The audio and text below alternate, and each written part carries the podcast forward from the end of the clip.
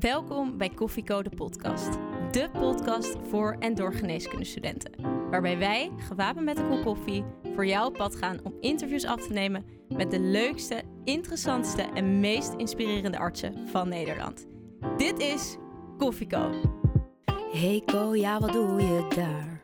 Er staat een carrière voor je klaar. Maar je weet nog niet wat en waar. Een cappuccino maakt het minder zwaar. Dus zet je volumeknop omhoog.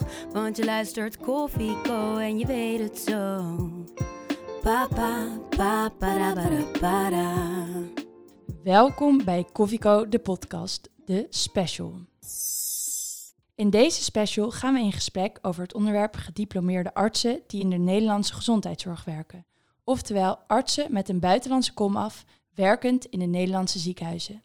Wij zijn Benjamin. en Duveke en dit keer zijn we in gesprek met dokter Ahmed Al-Hassan.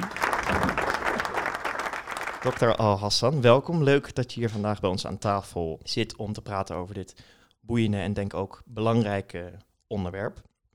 Je komt zelf uit Syrië en hebt de opleiding in Jemen gevolgd.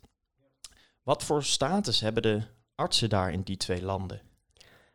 Eh, in die twee landen hebben de artsen zo een heilig status eigenlijk. Als je het, eh, nou ik zou het niet vergelijken met hier, maar in het algemeen eh, is er nog de, de, de, zeg maar de positie van arts is zo heilig en dat je ook alles mag bepalen en mag doen voor de patiënt. En ja, je hebt een soort paternity, zeg maar, relatie met de patiënt. Dus ze zijn zo heilige beroepen daar. Ja. Hoe was dan de shared decision making? Want dit klinkt een beetje als het eh, paternalistische model. Ja, is ook zo eigenlijk. Is ook zo. Die shared decision, die heb ik eh, vaak, die heb ik alleen eh, pas hier gedaan. Maar in, in Syrië en in Jemen doe je dat niet. Maar vaak ja, moet je dat niet doen, zeg maar. Hè? Want de patiënt die gaat dat ook dat gesprek niet zo op die manier met jou uitvoeren. Die zal zeggen gewoon. Ja, hoe bent de dokter? Zijn ook mensen hier die dat ook doen? En hoe mag het bepalen, zeg maar. Hè? En eh, de geneeskunde is ook daar niet zo te vergelijken met hier. Hè? Je hebt het ook vaak over basisse dingen waar ook het beleid een beetje rechtstreeks. En hier heb je een andere populatie en veel complexere problematiek. En ook een patiënt die heel veel leest en die mondiger is. En vandaar is het ook hier een andere benadering. En wanneer kwam je voor het eerst in aanraking met de geneeskunde of artsen? Nou ja, artsen zijn overal te zien, ook als kind. Hè. En omdat het is in Syrië vooral zo een heilig beroep, hè, dat je ook als je dan in de basisschool of als je bij kinderen gewoon in je omgeving gaat vragen wat wil je worden, dan hoor je bij 90% van de mensen gewoon zeggen, nou ik wil een arts worden. Ja, ik moet zeggen, ik heb nooit gedacht ook dat ik zelf een arts wil worden. Eh, maar dat is hier is, heb je het systeem die heel gericht is, ook vanaf kinderleeftijd. Hè? Wat wil je? eh, waar ben je goed in? Waar ben je slecht in? Als je dan 12 jaar, dan ga je ook met de school hè, bepalen welke, eh, zeg maar, middelbare school voor jou passend, et cetera. En daar in Syrië is het systeem vooral gericht op theorie en examen afleggen. En dan heb je hoge scoren, dan mag je iets meer doen. Heb je lagere score, dan mag je iets minder doen. En ik was afgestudeerd met een goede cijfers. Maar ik was in Syrië bijvoorbeeld, kwam ik niet in aanmerking voor geneeskunde. En ik wou zelf iets met IT doen of iets dergelijks, maar daar wou familie, mijn familie eh, niet, eh, zeg maar. En toen heb ik als tussenoplossing, mocht ik wel uh, tandheelkunde gaan studeren. Dat heb ik ook één jaar gedaan. Maar in die in dat jaar is, kwam toen eh, eh, naar voren dat eh, de overheid doet ieder jaar, zeg maar, die stuurt mensen naar het buitenland om bepaalde dingen te studeren en die komen daarna ook werken in de publieke sector waar, het, waar men eigenlijk nodig is. Dan zou je dus je opleiding in het buitenland volgen en dan kom je weer terug om in Syrië arts te zijn. Ja, inderdaad. En dan moet je dus een paar jaar, tenminste aan het begin twee jaar, dus in het sector die vanaf of van tevoren of voorafgaand bepaald was. En dat was bij mij gewoon dat ik dan, eh, als ik terug ben, dat ik dan als een soort schoolarts, niet te vergelijken met hier, maar wel als een schoolarts, zeg maar, eh, te gaan werken. En dat heb ik dus gedaan. En toen was het eh, dat ik of naar Jemen mag gaan, of naar Iran, of naar Pakistan. En ik heb toen gekozen voor Jemen omdat het een Arabische land is. Ja. Dus je koos voor Jemen. En hoe zag die studie geneeskunde er daaruit? Ja, het is ook een beetje te vergelijken met hier. Alleen de hele studie daar is ge- gewoon zeven jaar. Je hebt de drie jaar basis. Hè? En dan heb je de anatomie, eh, de fysiologie hè? en farmacologie en dat soort dingen. En je hebt daarna eh, drie jaar eh, kliniek of kooschappen, wat je ook hier noemt kooschappen. Er zijn daar geen kozen kooschappen, het zijn allemaal eh, verplicht, zeg maar. Maar je bent nogmaals student, dus je, hebt, je studeert ook in de studentenkalender. dus je hebt ook in de zomer sowieso twee, drie maanden gewoon eh, vakantie. En dan als die drie jaar klaar zijn, dan moet je eh, twaalf maanden gewoon doen. Als een, zij noemen het daar gewoon house officer, maar het is te vergelijken met semi-arts hier. En dat moet je in de algemene richtingen doen. Dus eh, gynaecologie, kindergeneeskunde, interne chirurgie. En jij mag twee maanden zelf eh, kiezen. Bijvoorbeeld speciale chirurgie of speciale interne geneeskunde, bijvoorbeeld orthopedie eh, of eh, intensive care of iets dergelijks. Dus zo is het. Hè? Maar in totaal heb je eigenlijk zeven jaar om een arts te zijn, zeg maar, of te worden. Na de kooschappen was de bedoeling dat je weer terugging naar Syrië. Ja, Maar nu zit je hier. ja. Hoe kan dat? Nou, ik ben eigenlijk terug naar Syrië gegaan. Eh, in 2010 was ik eh, klaar met mijn eh, studie. En daarna heb ik dus in de ministerie van het onderwijs ook gewerkt als schoolarts. En dat heb ik 2,5 jaar gedaan. Maar dat was mijn officiële baan. Maar in Syrië zit je ook in een kleine dorp. Dan ben je altijd de dorparts hè, of de dorpsarts.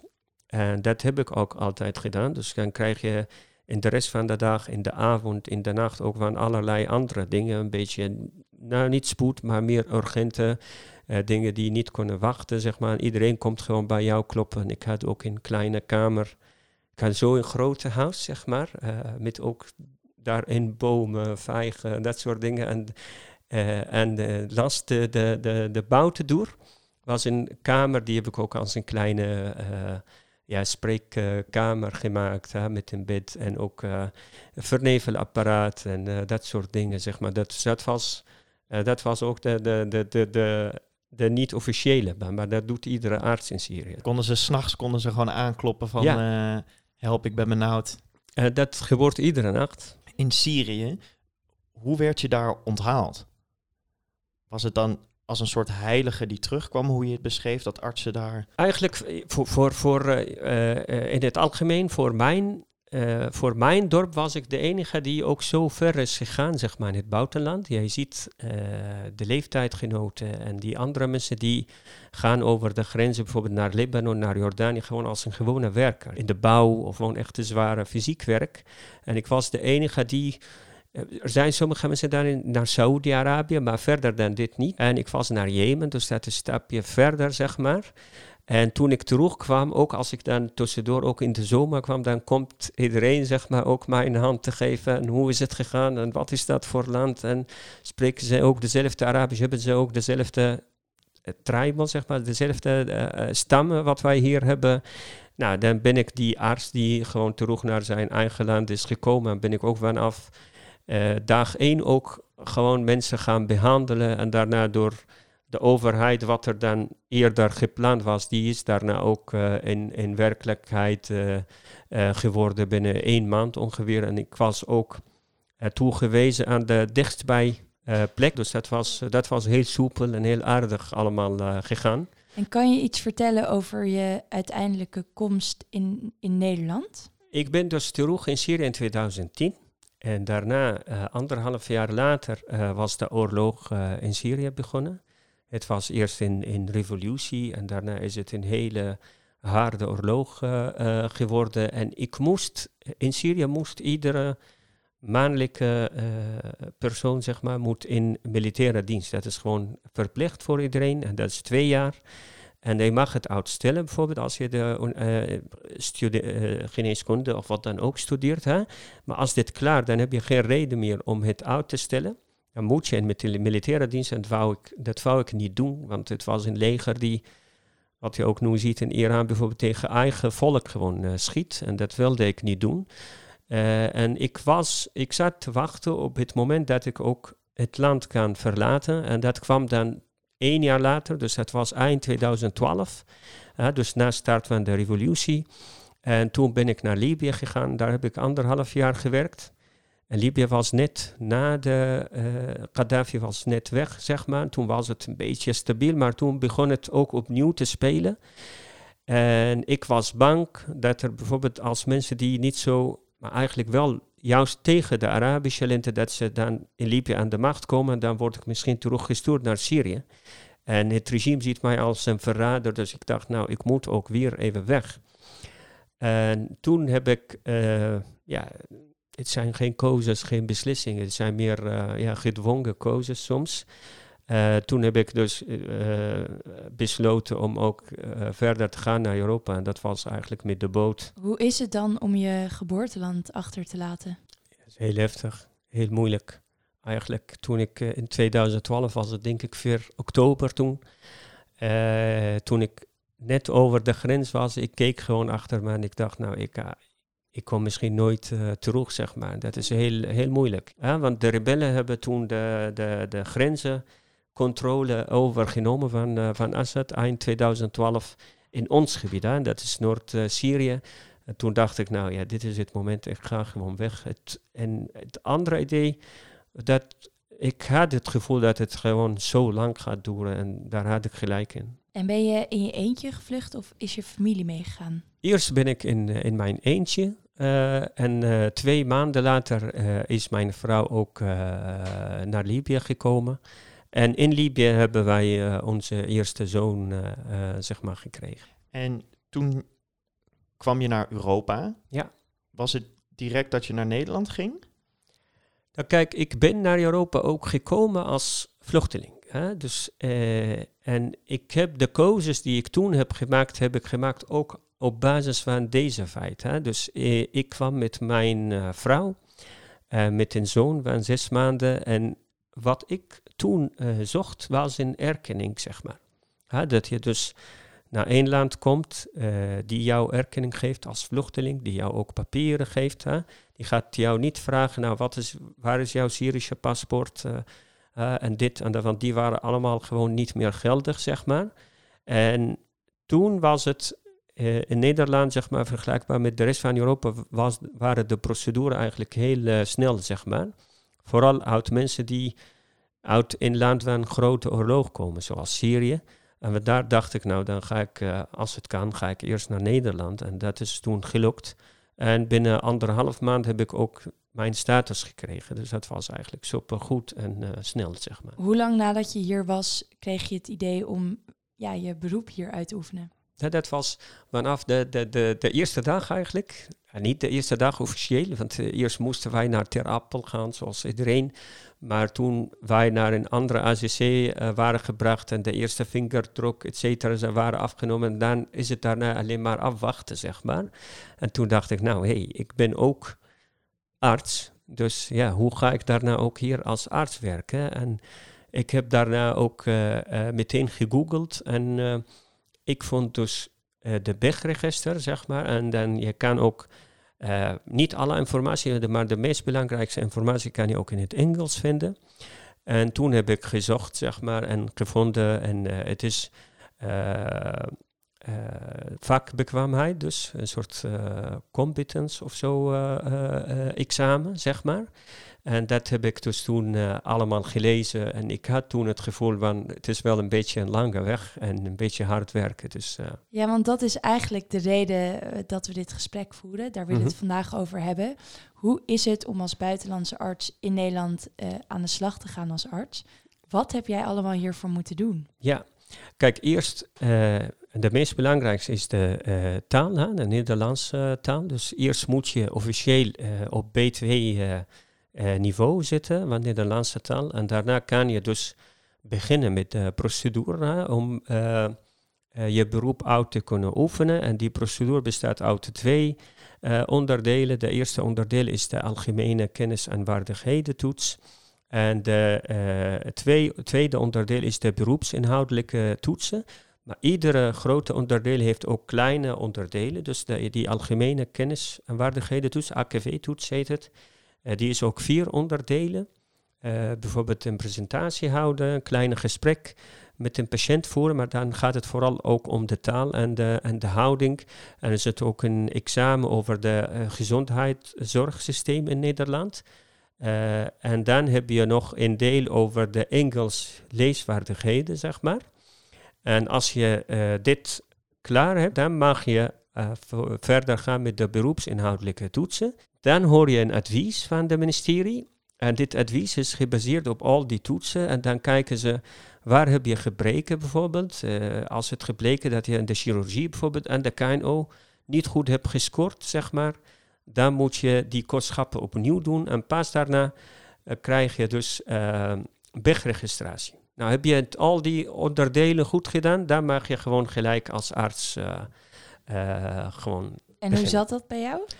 Bij mij, maar dat is de, de, de, meer de uitzondering, zeg maar, dan de regel. Eh, ik heb het dan, wat mij betreft, en wat ook het, uh, de commissie ook betreft, goed gedaan. Dus ik mocht ook uh, gelijk starten. Er zit ook een voorwaarde aan dat je dan drie maanden onder soort indirecte supervisie, maar dan gaan mensen alleen kijken of je dan de zorgsysteem begrijpt, maar niet medisch inhoudelijk, zeg maar. Ik heb het allemaal inderdaad goed gedaan, maar goed, soms zit in, in uh, geluk in het ongeluk. Hè? Dus uh, als vluchteling, dan kom je hier, uh, krijg je een huis, zeg maar, krijg je uitkering.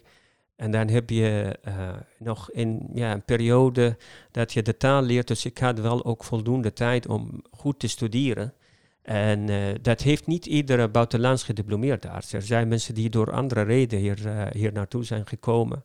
Voor de liefde of voor iets anders. Hè? En die hebben die luxe misschien niet. Maar wij hadden als vluchteling toch, eh, wat dat betreft, ja, wat luxe en wat tijd, zeg maar, en rust. Dus dan, ik, ik heb eigenlijk ook een vol tijd van gemaakt, zeg maar, want ik wilde, met alle respect voor alle co-assistenten, maar ik wilde niet opnieuw als co-assistent ook uh, weer gaan lopen voor zes maanden of negen maanden, één jaar, want dat is vaak het, het geval. Wat vind je van dat systeem?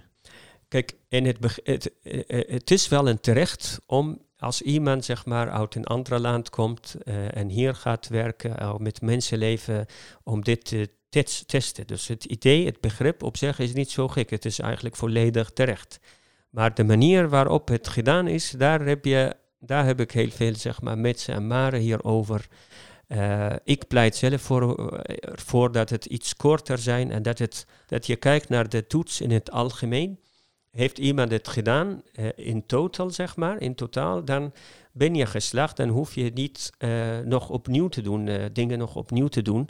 En wat ze doen eigenlijk, ze laten jou een test doen in de hele dag. En vooral die klinisch, klinisch kennistoets en klinisch vaardigheden. En daarna gaan ze die 100 casuïstiek, dan gaan ze naar hoeveel interne, hoeveel chirurgie, hoeveel dit, hoeveel dat. En dan, dan wordt jouw score ook per elke vak apart weer gedaan. En dan heb je dan gebreken natuurlijk, hè, want jij bereidt ook alles in één keer een geheel voor. Dus dat is bijna niet te doen. En dan zeggen ze, nou, jij doet het niet goed in dit en dat, dan mag je het opnieuw doen eigenlijk. Anders krijg je geen registratie. Dit vind ik eigenlijk oneerlijk, zeg maar. En dat maakt uh, voor de mensen, zeg maar, ook die aanvullende kostschappen. Dus ja, het is, het is een advies, maar niemand is verplicht om hier aan te doen. Uh, in de universiteiten vooral. Dus dan ga je naar een uh, universiteit. Dan zeg je, nou, ik wil de interne geneeskunde. En dan zeggen ze, nou, uh, dit is, dat kan je niet alleen doen. Het is een gehele pakket, dus jij moet het gehele pakket weer. Dus dat betekent ook extra tijd. En vaak zit ook een wachtlijst om te beginnen, een wachtlijst tussendoor. Dus als iemand krijgt te horen dat hij kostschappen van negen maanden moet, door, de, moet, moet doen, en dan is dat in de praktijk vaak twee jaar of juist meer. Langer bedoel ik, ja. Dus als je al die toetsen in één keer haalt, ben je eigenlijk een soort superdokter, want je beheerst over alles heel veel kennis. Ja, of, of dat je ook het, het geluk hebt gehad, zeg maar, hè, dat, dat het meevalt allemaal en dat je het goed... Want ik ken mensen die eh, persoonlijk, hè, die zijn ook super slimme, do maar, uh, slimme dokters en die hebben die toetsen niet goed gedaan en die uh, moesten ook iets van negen maanden en één jaar doen. En dat was voor de meesten ook drama en depressie en noem maar op. En toen, je hebt het gehaald. Je was dus arts in Nederland, ja. denk ik. Daar had je dan je diploma of papiertje voor. Ja. Wat gebeurde er toen? Nou, toen, uh, ik moest toen dan even een baan uh, zoeken. En de eerste drie maanden, dus moet je maar dat is een kleine zeg maar, voorwaarde. Moet je dus onder supervisie werken, dat men kijkt of je dan het Nederlandse zorgsysteem begrijpt. Dus ik heb eerst geprobeerd om het gratis te doen, uh, maar niemand begrijpt het. De ziekenhuizen die hebben geen enkele begrip, niet begrip, die, die, die weten het niet. Hè? Dus die weten uh, niks over deze groep. Dus ik heb verschillende mensen gemaild van, goh, kan ik dus bij jullie, je hebt dan een basisarts, gratis, et cetera, en dan dit, maar dat lukte niet. En toen heb ik gewoon gesolliciteerd uh, voor een ANIOS-plek, uh, zeg maar. En dat was vooral uh, voor een ANIOS rheumatologie, zeg maar. En dat was één, één plek was in, in Leiden en één plek was in Leeuwarden. En toen was ik in Leeuwarden was ik uitgenodigd voor een gesprek. En ik zei, nou, dit is de situatie. En jullie moeten voor mij alleen één keer per twee weken nog een soort formulier ook invullen over mijn uh, professionele gedrag en mijn, of ik dan het Nederla Nederlandse zorgsysteem goed begrijp. En mensen zeiden, nou dat is gewoon prima te doen. En ik was aangenomen. En ik ben daarna ook gelijk uh, begonnen, zeg maar. En ik heb daarna ook twee jaar uh, gewerkt in uh, Medisch Centrum Leeuwarden. Dus dat was de eerste plek voor mij hier. Begreep jij ons zorgsysteem? Nu wel, ja. Maar nu, toen, ik begrijp de zorg, ik begreep de zorgsysteem in, het, in de algemene zin. Uh, wel, maar ja, het, uh, voor de rest had ik ook totaal geen enkele idee. Hoe was dat, die eerste maanden in een ander land, in een ander ziekenhuis? Dat was super moeilijk, moet ik zeggen. Ja, dat was de eerste keer bijvoorbeeld dat ik in mijn hele leven zit tegen een patiënt met een andere taal, zeg maar. En dan ook tegelijkertijd uh, met een computer, een EPT-systeem, waar ook een heleboel informatie zit. En dan moet ik luisteren uh, moet ik vragen bedenken en ook goed luisteren, begrijpen, verwerken en ook nog schrijven en uh, typen, zeg maar. Dat was ook een ding aan het begin, want jij typt in andere taal. Dus die manier van werken is gewoon helemaal niet, komt mij helemaal niet bekend voor. Dat is gewoon in, in landen waar ik heb gewerkt, heb ik nooit wat gedaan met de, met de computer uh, tijdens in, in patiënt-arts contact, zeg maar. En wij, hebben die, of wij hadden eigenlijk die EPD-systeem ook helemaal niet. Hè. Het was allemaal op papier een hele oude wets. Dus dat was zo het moment. Hè. De eerste patiënt, het is gewoon, ik wist niet hoe, hoe ik dat moet doen, maar de ervaring en de tijd gewoon uh, leert. Het tweede ding, jij bent hier qua besluitvorming ook afhankelijk van meerdere uh, of mensen in jouw dus, uh, vak of bijvoorbeeld andere afdelingen. Uh, ik noem bijvoorbeeld als voorbeeld, als ik dan in Jemen of in Libië iets beeldvorming had geweld, ja, dan maak ik gewoon een request, maak ik gewoon een order en dan wordt het gemaakt. Maar hier moet ik bijvoorbeeld als het in dienst of als dit of dat, dan moet ik ook uh, met bijvoorbeeld de radioloog overleggen en soms ook juist overtuigen om dit te doen. En, uh, en soms krijg je het hoor, nee, maar dit is niet geschikt, moet je de andere doen. Hè? Dus jij bent ook qua besluitvorming ook uh, afhankelijk van ook meerdere of andere specialisten, maar ook mensen in jouw eigen vak, vooral als je nog ANIOS of AIOS bent. Ja. Was dat om te overleggen met al die specialisten? Uh, het was wel te overleggen. Ik moet zeggen, aan het begin uh, was de telefonisch contact een beetje lastig. Want en uh, mis ik ook een stukje, zeg maar, die liplezing. Hè? Dan, dat helpt mij ook om dingen snel, zeg maar, goed te verstaan en te begrijpen daarna. dat was aan het begin wel een stukje moeilijk, maar de eerste twee jaar had ik ook een rustige baan, zeg maar. Hè? Dus het was vooral uh, polykliniek en onderzoekwerk. Dus jij hoeft niet zoveel te doen. Uh, maar de grootste uitdaging was toen ik dus als AIOS interne geneeskunde en in Den Haag moet beginnen, zeg maar. Dat was een grote berg, zeg maar, aan het begin die ik moet uh, beklimmen.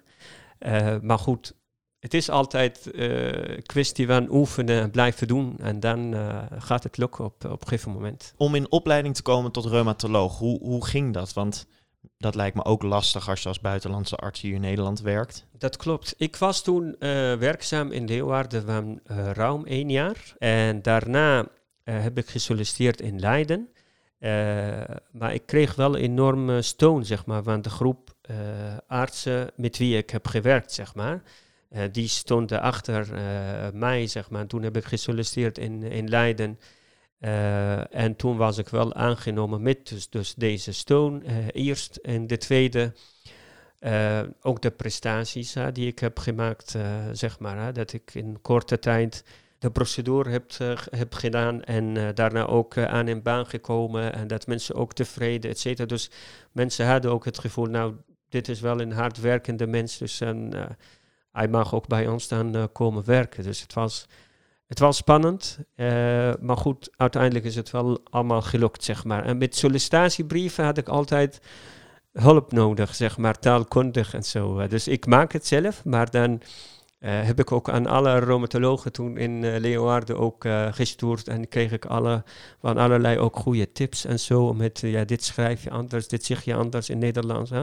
Dus dat... eh, Dus het was moeilijker, maar er was echt genoeg steun omdat ze Ja. vonden dat, dat het terecht was dat jij zou worden aangenomen. ja, inderdaad, ja. Zijn er nog steeds dingen waar je tegenaan loopt? Er zijn wel dingen, maar ik denk niet dat het alleen te maken heeft met uh, ziekenhuis en dat soort dingen, maar meer hoe wij allemaal hier in Nederland doen. Ik vind de lange werkdagen echt een ding, zeg maar. Hè? Tien uur uh, werken per dag, zeg maar, met daarnaast nog reistijd, et cetera. Dus dan ben je soms echt twaalf uur uh, bezig alleen rondom je werk. En als je dat gewoon vijf dagen per week doet, dan ben je op een gegeven moment ook uh, moe of heb je op een gegeven moment ook genoeg van, zeg maar. Uh, dus dat, uh, dat vind ik uh, zelf het moeilijkste, zeg maar.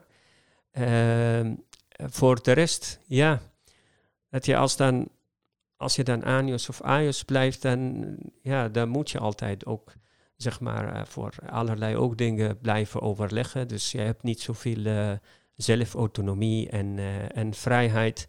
En de derde, het is wel druk.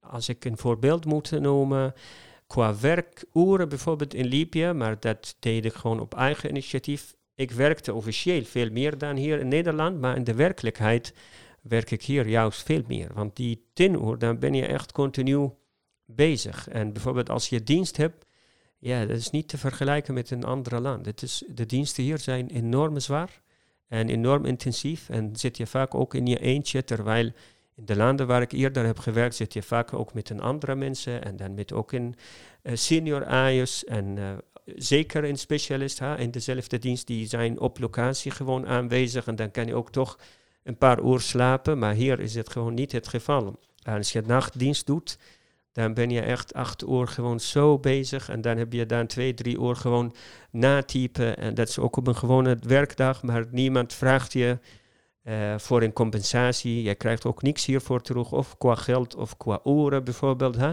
Dit zijn de dingen die ik nog steeds, maar ik denk iedere ANIOS, AIOS dat moeilijk vindt. Dat is niet uh, alleen aan de Nee, buitenlandse niet de enige. Dus we zou, zouden meer Syrische werktijden uh, moeten aanhouden. Van 9 tot 5, of ik weet als wat het, daar normaal Als het is. aan mij ligt, uh, zal ik, maar dat is niet alleen ziekenhuis hoor, en uh, dan wil ik het hele land iets korter gaat werken. Dan heb je oplossing voor allerlei ook andere dingen, mantelzorg, uh, kinderopvang. En Burn-out voorkom je misschien. Ja. ja, en ik denk dat je enorm fitter van, van wordt, zeg maar.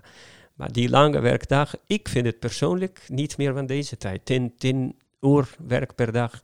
En zo intensief, hè?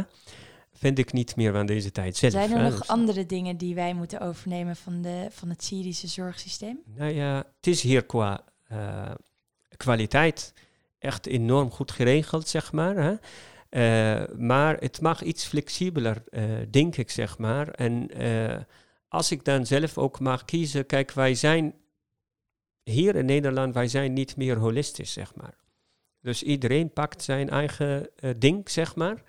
Eh superspecialisatie, maar dan ligt een patiënt tussen die waar, waar bijvoorbeeld vijf, zes specialisten soms echt ermee bezig en dat vind ik eh, een beetje zonde. Dus als wij nog ook onze algemene blik zeg maar niet verliezen en dan niet voor allerlei kleine dingetjes elkaar een consult vragen, et dat maakt het leven in het ziekenhuis ook iets soepeler. En jullie hebben ook een Facebook waarin jullie dingen bespreken. Buitenlands gediplomeerde artsen in Nederland. Er is ook een uh, vereniging, VGBA, Ja. waarin jullie dit soort zaken bespreken. En wat, wat ja, eigenlijk, wat, waar hebben jullie het dan over? En wat, wat helpt? Waar helpen jullie elkaar mee? En Van alles eigenlijk. Kijk, in die, uh, die Facebookgroep is gewoon open. Dus iedereen die, die maakt gewoon, uh, die zegt nou ik wil een lid worden, die wordt een lid. En die worden, worden vaak vooral vragen gesteld, zeg maar, door een lid. En dan wordt antwoorden gewoon van, nou, van iedereen die, die kan en wel beantwoorden, zeg maar. Dan wordt ook ervaring gewisseld en wordt soms in kleine groepjes gemaakt van af of van oud deze groep. Worden kleine WhatsApp-groepen of zo voor mensen bijvoorbeeld die dit jaar bijvoorbeeld die AKW-toets gaan uh, doen. Hè, dan kunnen ze ook in kleine groepjes maken en dan met elkaar gaan oefenen of studeren. Die ervaring wisselen, die, die helpt eigenlijk uh, enorm. En mensen die ook net zijn hier naartoe gekomen en die kunnen ook vragen stellen. En in plaats van dat zelf heel veel zoeken, dan kunnen ze ook heel makkelijk uh, een bepaalde link of document of zo krijgen van iemand anders waar het ook korter en efficiënter gaat werken.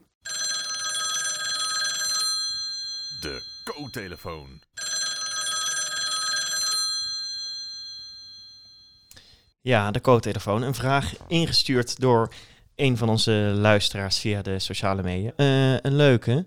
Iemand vraagt hier: wat kunnen de artsen die opgeleid zijn in Nederland het beste doen om artsen die hebben gestudeerd in het buitenland en arts zijn die naar Nederland komen en hier komen werken? Wat kunnen die het best doen om hen te helpen? De artsen kunnen eigenlijk heel veel betekenen. Kijk, als je een buitenlands gediplomeerde arts, zeg maar, die nu in de procedure zit, als je diegene alleen een krokje aanbiedt, één keer per week misschien, alleen om te zitten en mee te luisteren, dat is echt, dat echt enorm veel. En dat is heel goed, zeg maar. Ik had ook deze kans maar uh, gekregen bij een uh, uh, huisarts, zeg maar. En dat was voor iets van 10 tot 12 weken. En dan ga ik één keer per week en daar heb ik enorm van geleerd, zeg maar. Hè. Dan zie je hoe hè, de manier van communicatie, uh, de manier van vragen stellen.